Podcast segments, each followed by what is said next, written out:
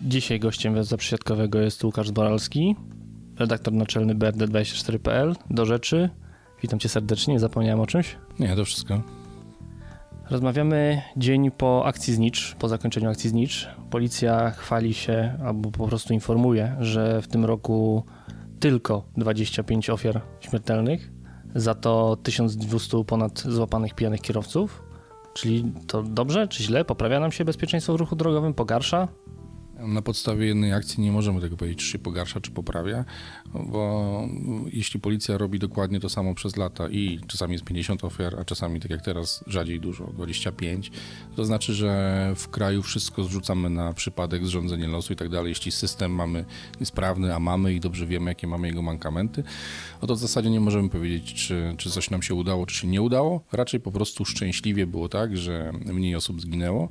Wydaje mi się, że jakbym miał stawiać dlaczego, to chyba jakimś tam jednym z czynników było na pewno to, że mamy dużą, dużą dyskusję w mediach tuż poprzedzającą te święta po, po głośnym wypadku w stolicy, tak, że nawet e, urzędnicy państwowi zajmowali głos, więc to było bardzo, bardzo głośne i być może e, coś tam niektórym kierowcom nasunęło. Natomiast to, ilu jest pijanych na drogach, czy tam nietrzeźwych, to Tutaj w ogóle mamy jakąś mętną ocenę, bo policjanci nieraz do tych statystyk zaliczają ludzi, którzy są po spożyciu alkoholu, czyli tam powyżej 0,2 do 0,5 promila, raz nietrzeźwych, czyli tylko tych powyżej pół promila.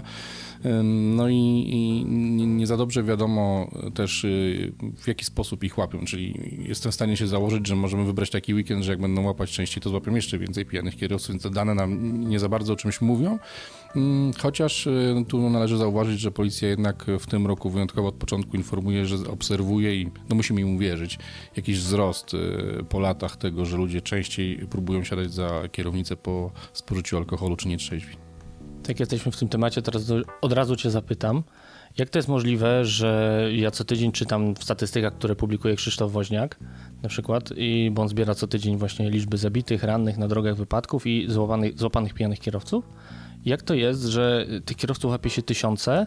No, wyglądałoby tak, że już nikt w sumie w Polsce nie powinien jeździć samochodem, bo już wszyscy, wszyscy zostali złapani na jeździe po pijanemu, a jakimś cudem ciągle oni są wyłapywani, wyłapywani i, i jak to jest, że oni ciągle są wyłapywani, mimo że już w zasadzie złapano już wszystkich, kogo można było złapać. Niedługo chyba, jak podsumuję statystyki, to już pół Europy polscy policjanci zatrzymali za jazdę po pijanemu.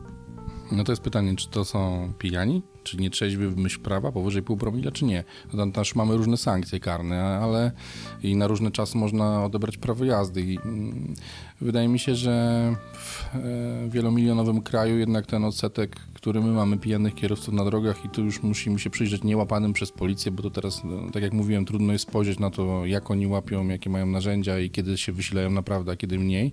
No to tym, co jest takimi prawdziwymi danymi, to są, jest udział z tym, że zaznaczę też u nas to jest udział nietrzeźwych y, czy pijanych kierowców w wypadkach drogowych, bo to może być też po prostu nie ten, który spowodował wypadek, no to mamy go na jakimś tam do tej pory poziomie średnim europejskim i nie mamy tutaj jakiegoś szczególnego, dużego problemu w Polsce, natomiast oczywiście nie, nie bagatelizowałbym tego problemu, jakiś problem mamy. To, to jaki największy problem mamy, to wydaje mi się z brakiem systemu, który wykluczałby recydywistów, czyli takich ludzi, którym e, łapiemy ich po pijanemu, a potem oni mm, mimo odebranego prawa jazdy siadają dalej po pijanemu, albo dalej mimo zakazów sądowych i to licznych, nie tylko jednego, siadają dalej. Oni ostatecznie, jak y, uda się ich złapać po tym którymś razie, albo spowodują już, zrobią komuś krzywdę, spowodują wypadek, no to lądują w więzieniach.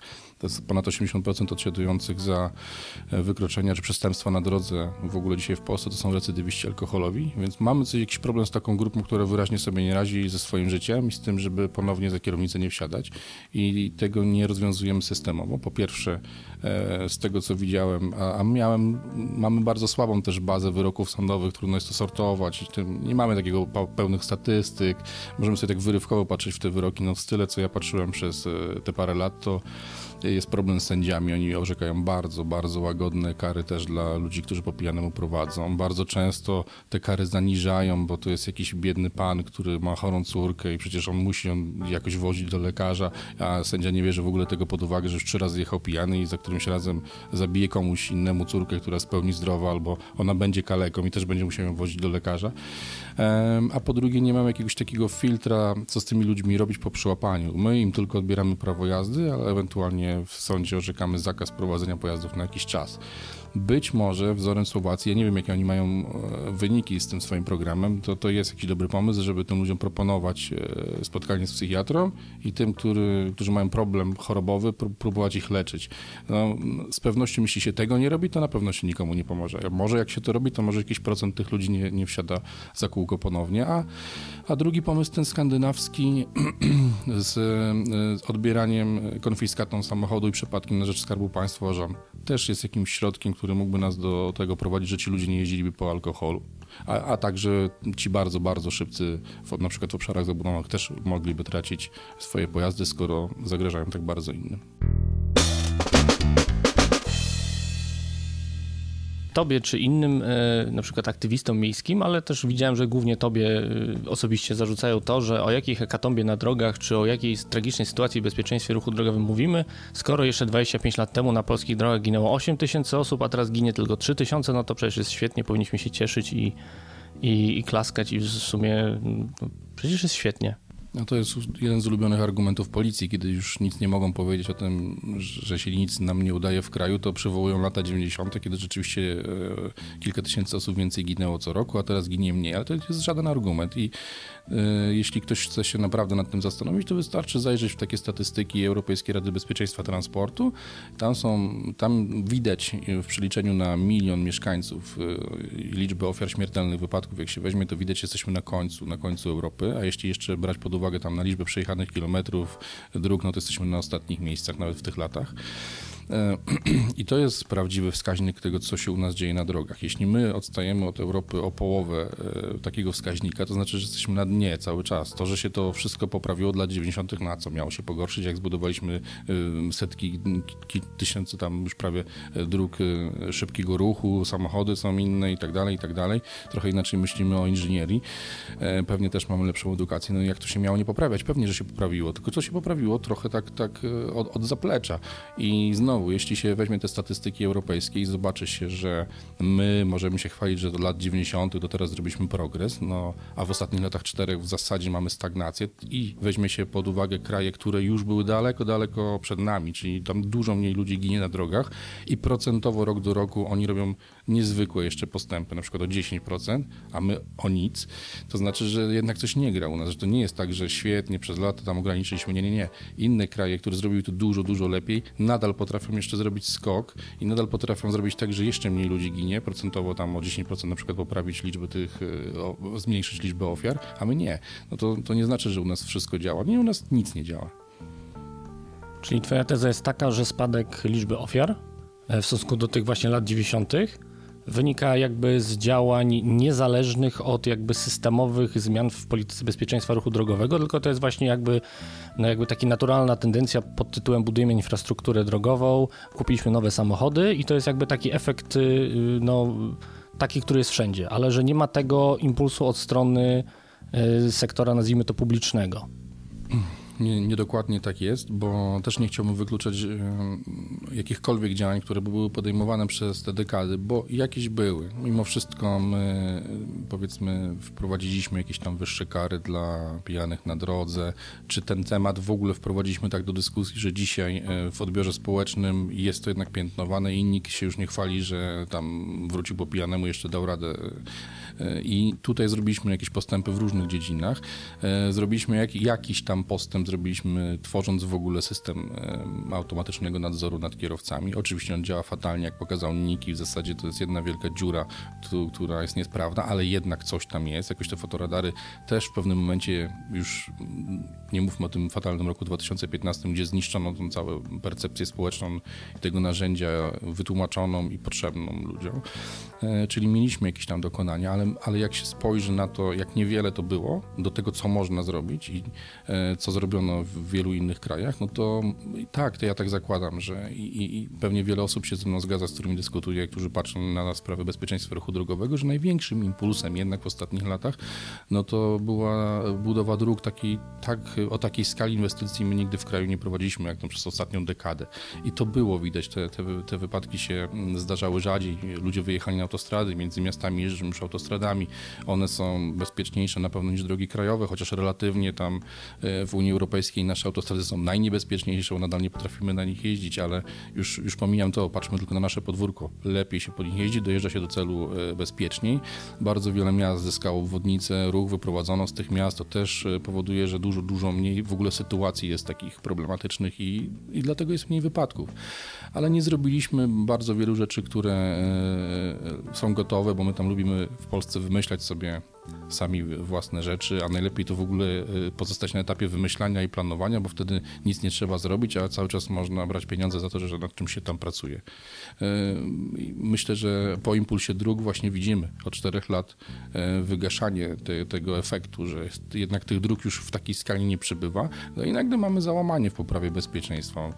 Moim zdaniem ono się wiąże właśnie z tym oraz z takim akurat wzrostem gospodarczym, bo to też powoduje, myślę, i Amerykanie to zbadali u siebie, większą aktywność ludzi, więcej ludzi jeździ, więcej firm ma samochodów, więcej ludzi pracuje, więcej ludzi tymi samochodami jeździ, to też się jakoś tam nakłada na to, że, że przestaje być y, trochę, trochę jest trochę mniej bezpiecznie. No te, te dwie rzeczy się składają na to, że aktualnie mamy sytuację, jaką mamy w takim okresie nadal bezczynności państwa. To co państwo powinno w takim razie zrobić, bo już są jakieś zapowiedzi, niby większych kar. Niektórzy wymyślają, jak bardziej karać pijanych kierowców, inni jeszcze inne propozycje proponują, no ale co tak naprawdę może w tej sytuacji zrobić państwo? No, zacznijmy od władzy centralnej może.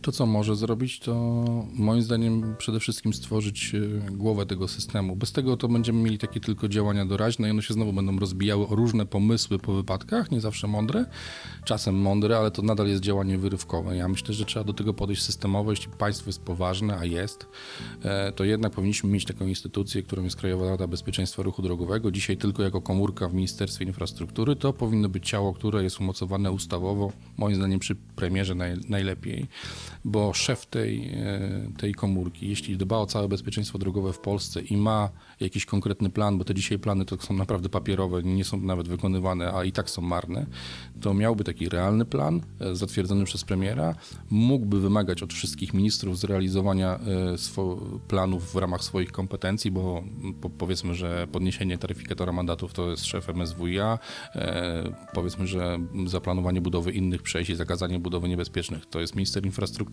to wszystko dałoby się wtedy tak naprawdę układać. Jeśli mielibyśmy plan, byłoby poparcie szefa rządu, ta instytucja trochę niezależna od, od takiej polityki, trochę z boku, mogłaby funkcjonować latami i realizować jakiś konkretny plan. Bez tego będziemy mogli tylko działać wyrywkowo. I to jest dla mnie w ogóle absolutna podstawa. A tak na szybko uważam, że, że da się zrobić więcej rzeczy, zanim zrobimy taką instytucję.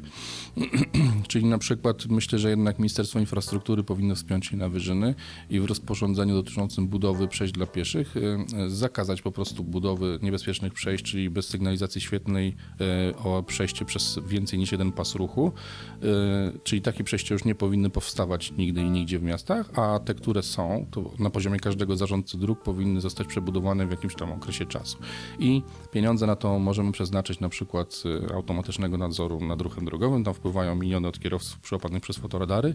Też uważam, że to by podniosło jakąś y, percepcję społeczną tego systemu. Moglibyśmy go może mądrzej rozwijać, jeśli ludzie wiedzieliby, że z fotoradarów pieniądze są przeznaczane wyłącznie na poprawę bezpieczeństwa, na przykład taką twardą infrastrukturalną i by to, by to wiedzieli.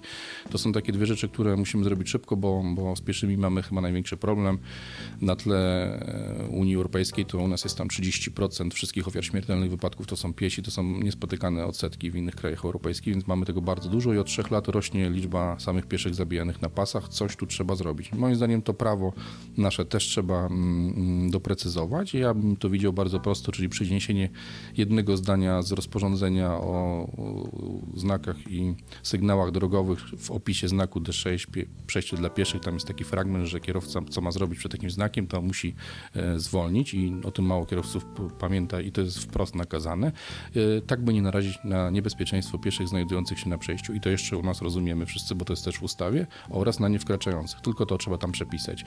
I trzeba się wyzbyć w mówieniu o tej sprawie takiego magicznego zwrotu bezwzględne pierwszeństwo pieszych, bo to w ogóle nie oznaczałoby tego, że piesi mogą wyegzekwować swoje pierwszeństwo na siłę. Jakieś przytaczałem takie opracowanie zamówione zresztą przez Polskie Ministerstwo Infrastruktury na ten temat, jak ci piesi są prawnie chronieni w różnych krajach i tam to jest dosyć dobrze wytłumaczone, że przepisy są jasne. Jak już ktoś dochodzi do przejścia i jest bardzo blisko niego i to jest różnie definiowanie w różnych krajach, a nie u nas będziemy oczywiście robić zagadnienie, czy to jest 5 metrów czy 10, ale czasami to, to jest określone, czasami nie. Jakoś sobie z tym poradzono.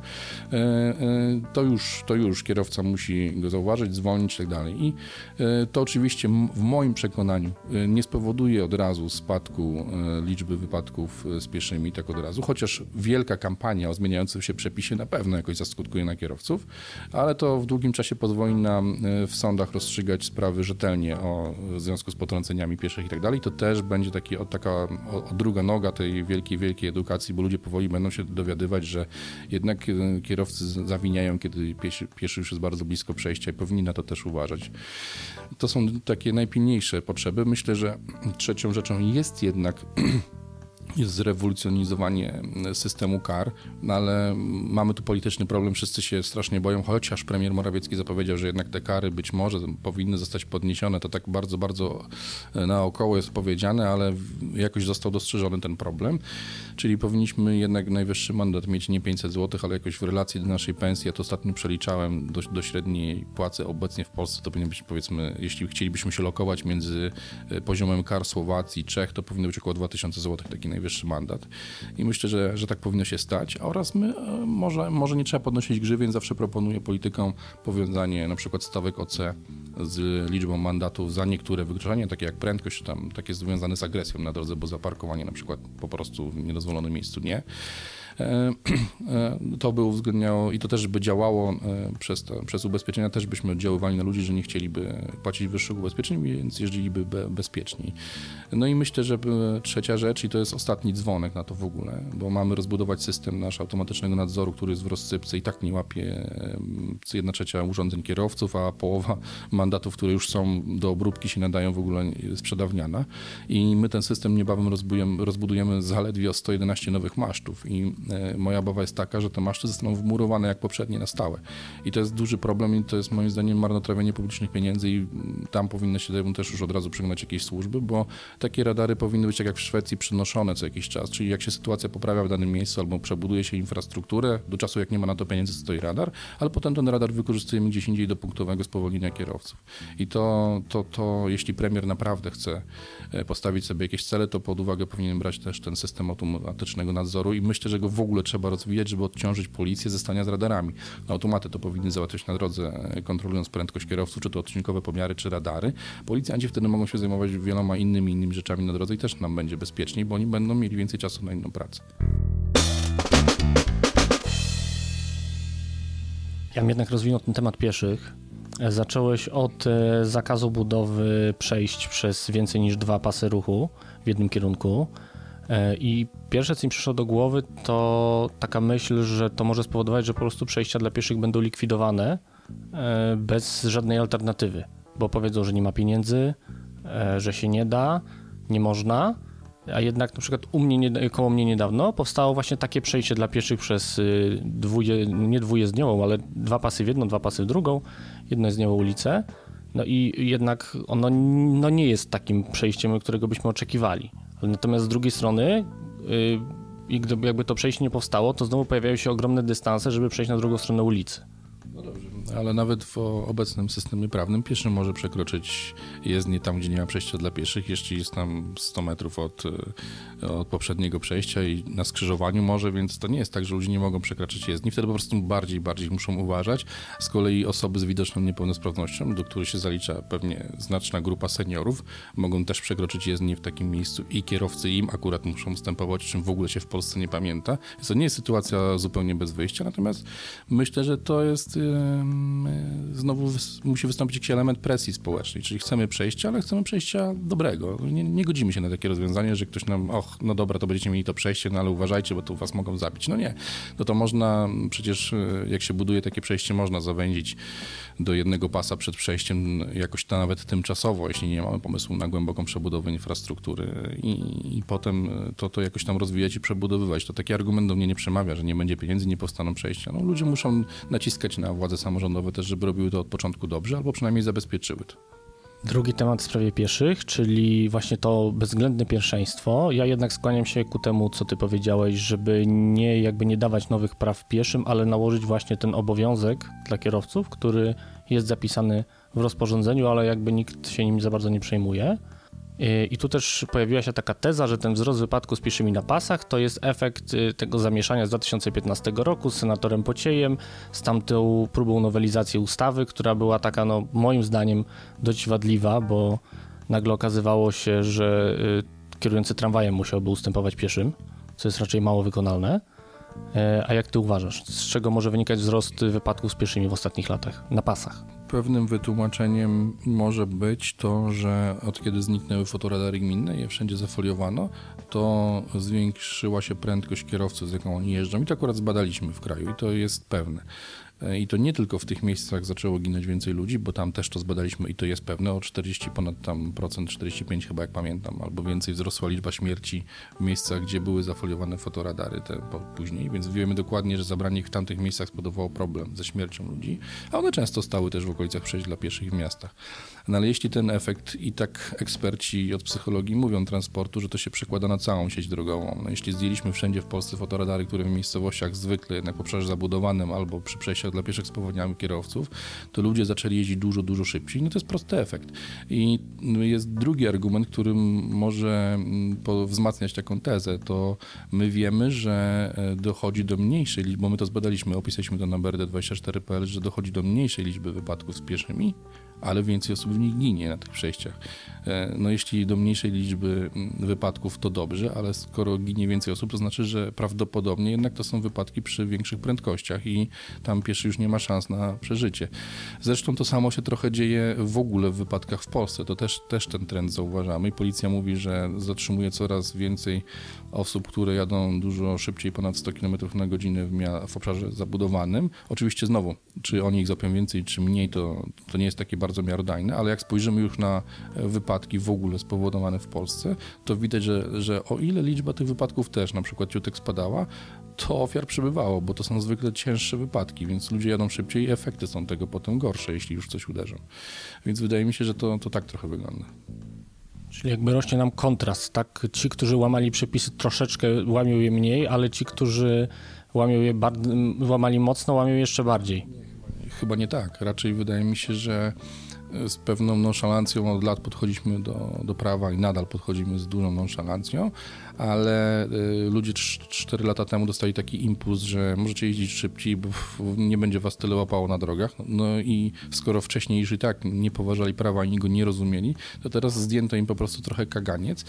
E, a były też takie sygnały, że e, obecne MSWiA e, naciskało na policję, żeby jednak nie wystawiać tylu mandatów i są takie nieoficjalne informacje, więc jak to wszystko tak do kupy poskładamy, to ludzie czują się trochę bardziej bezkarni w Polsce i tak to wygląda.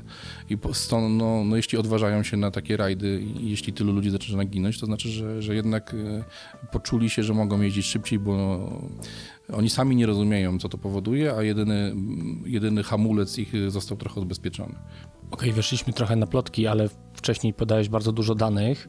E, jak myślisz, z czego wynika takie zaimpregnowanie na te fakty? Bo widzę w debacie publicznej, że mimo tego, że już wreszcie udało nam się ujawnić ten sławny raport o zachowaniach pieszych wobec kierowców, mamy takie lub inne, ale jednak dane o tym, skąd się wybiorą wypadki, skąd się biorą ci wszyscy zabici na drogach, to z czego wynika takie zaimpregnowanie na, na te dane, że ciągle mówi się, że to pieszy święta krowa włazi ze słuchawkami, ze smartfonem, ale przecież dobrze wiemy, że tak naprawdę to giną seniorzy na tych przejściach głównie. Jeśli o zwykłych ludziach możemy powiedzieć surowo, że to dlatego, że część z nich jest niemądra, albo po prostu tak na tyle brakuje im wiedzy, że oparli się kiedyś na jakichś swoich przekonaniach bądź takich utartych powiedzeniach i to utrzymuje do dzisiaj i ich można próbować edukować, chociaż jest to bardzo, bardzo trudne.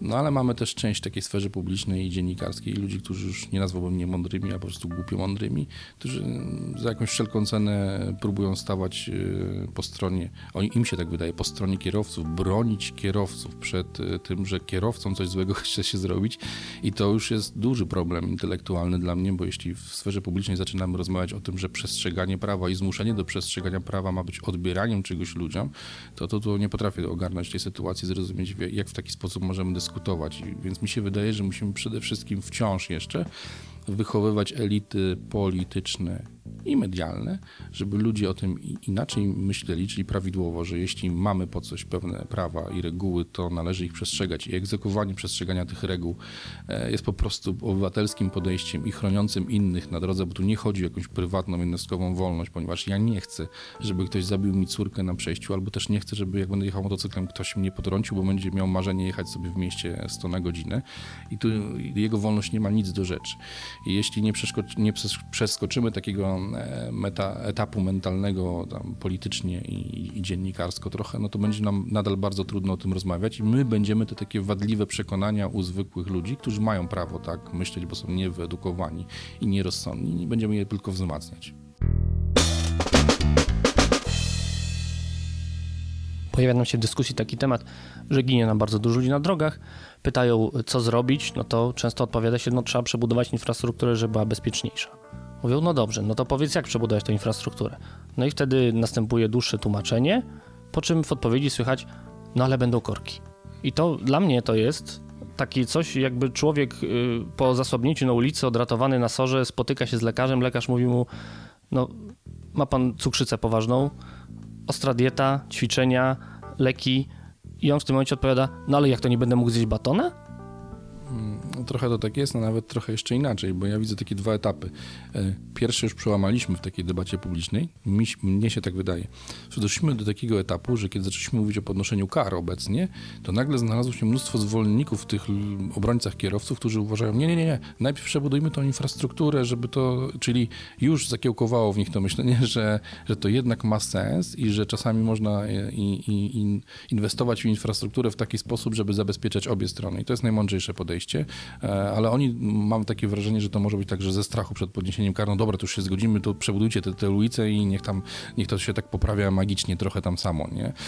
E, ale to nie jest do końca tak i to znowu problem wiedzy. No można ludziom, tego ludziom chyba na poziomie takim centralnym za, za mało, nie, za dużo nie pokazywano. Czyli mi się wydaje, że nie było takich dużo dyskusji między w polityce i, i w mediach, żeby pokazywać ludziom, że przebudowanie tam kilku skrzyżowań na rondo i zwężenie pasa pokazuje, że w minutę może przejechać więcej samochodów niż na trzypasmowej e, ulicy z sygnalizacjami co chwila, bo wtedy oni się i tak zatrzymują, chociaż jadą trzema pasami naraz i to nie ma żadnego sensu.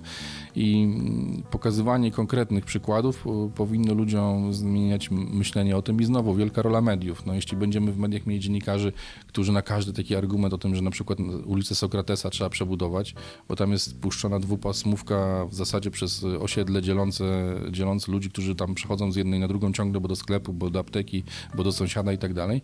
Jeśli ludzie będą mówić, że zaraz, zaraz, zaraz, nie, bo korki będą, no to no oni tego nie rozumieją po pierwsze, jak to zadziała, skoro tam jest, ja tam jeździłem kilka razy i tak na moje oko to jest pusta ulica w zasadzie, więc y, tam te po dwa pasy ruchu w jedną stronę w ogóle jakoś mają średnie uzasadnienie, więc jeśli będzie jeden, to moim zdaniem nie będzie tam nawet korków, a po drugie, jeśli się pokaże ludziom, że przebudowa pomaga nie tylko uczynić te drogi bezpieczniejszym, ale też wcale nie powoduje utrudnień, że się jeździ przyjemniej, tylko musicie zrozumieć, że żeby jechać przyjemnie, to trzeba jechać do 50 km na godzinę, a jak będziecie jechali 70 i, i więcej i tak dalej, to znowu się zrobi nieprzyjemnie, bo w pewnym momencie się będziemy korkować, szarpana jazda powoduje gorszy, gorszą płynność ruchu. To, to, jest, to trzeba jeszcze dużo, dużo, dużo w Polsce ludziom tłumaczyć. Mam nadzieję, że kiedyś zrozumieją. Bardzo Ci dziękuję. Myślę, że jeszcze się spotkamy w tej sprawie, ale to za jakieś parę odcinków i spróbujmy ocenić, jeżeli będą jakieś działania wdrożone. Myślisz, że będzie znowu działanie doraźne, czy jednak jakiś plan? Trudno mi na to odpowiedzieć. Chciałbym mieć wielką nadzieję, że coś się stanie. Jeśli raduje się moje serce, jeśli premier kraju wychodzi i mówi, że 50 km na godzinę w obszarze zabudowanym jest po to, żeby nie, ginęli piesi i tłumaczy, po co jest akurat taka prędkość, to ja rozumiem, że ktoś temu urzędnikowi wysokiemu podsunął dobre opracowanie i powiedział, że ma wytłumaczyć, dlaczego tak jest i że, że to jest potrzebne, a z drugiej strony ten sam premier przez 4 lata ma ministra, który nie jest w stanie ujednolicić tej prędkości w nocy i w dzień do 50 km na godzinę, bo używając właśnie tego argumentu, że po, po pierwsze będzie prościej, ludzie zapamiętają jedną prędkość, a po drugie no w nocy też piesi czasami chodzą i też mogą zginąć. E, więc ja tu dostaję takie sprzeczne sygnały, ale chcę wierzyć w to, że, że jeśli zaczynam o tym na poważnie dyskutować, to nie zakończy się na takim jednorazowym podrygu, że podniesiemy trochę taryfikator i może coś tam jeszcze zrobimy, e, że przyjmiemy jakiś system. No, bardzo chciałbym w to wierzyć. Dziękuję Ci bardzo. Dzięki.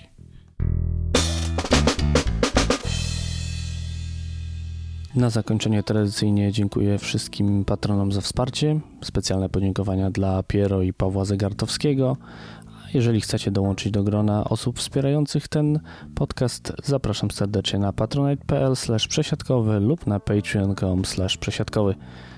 Na dziś to wszystko. Do usłyszenia.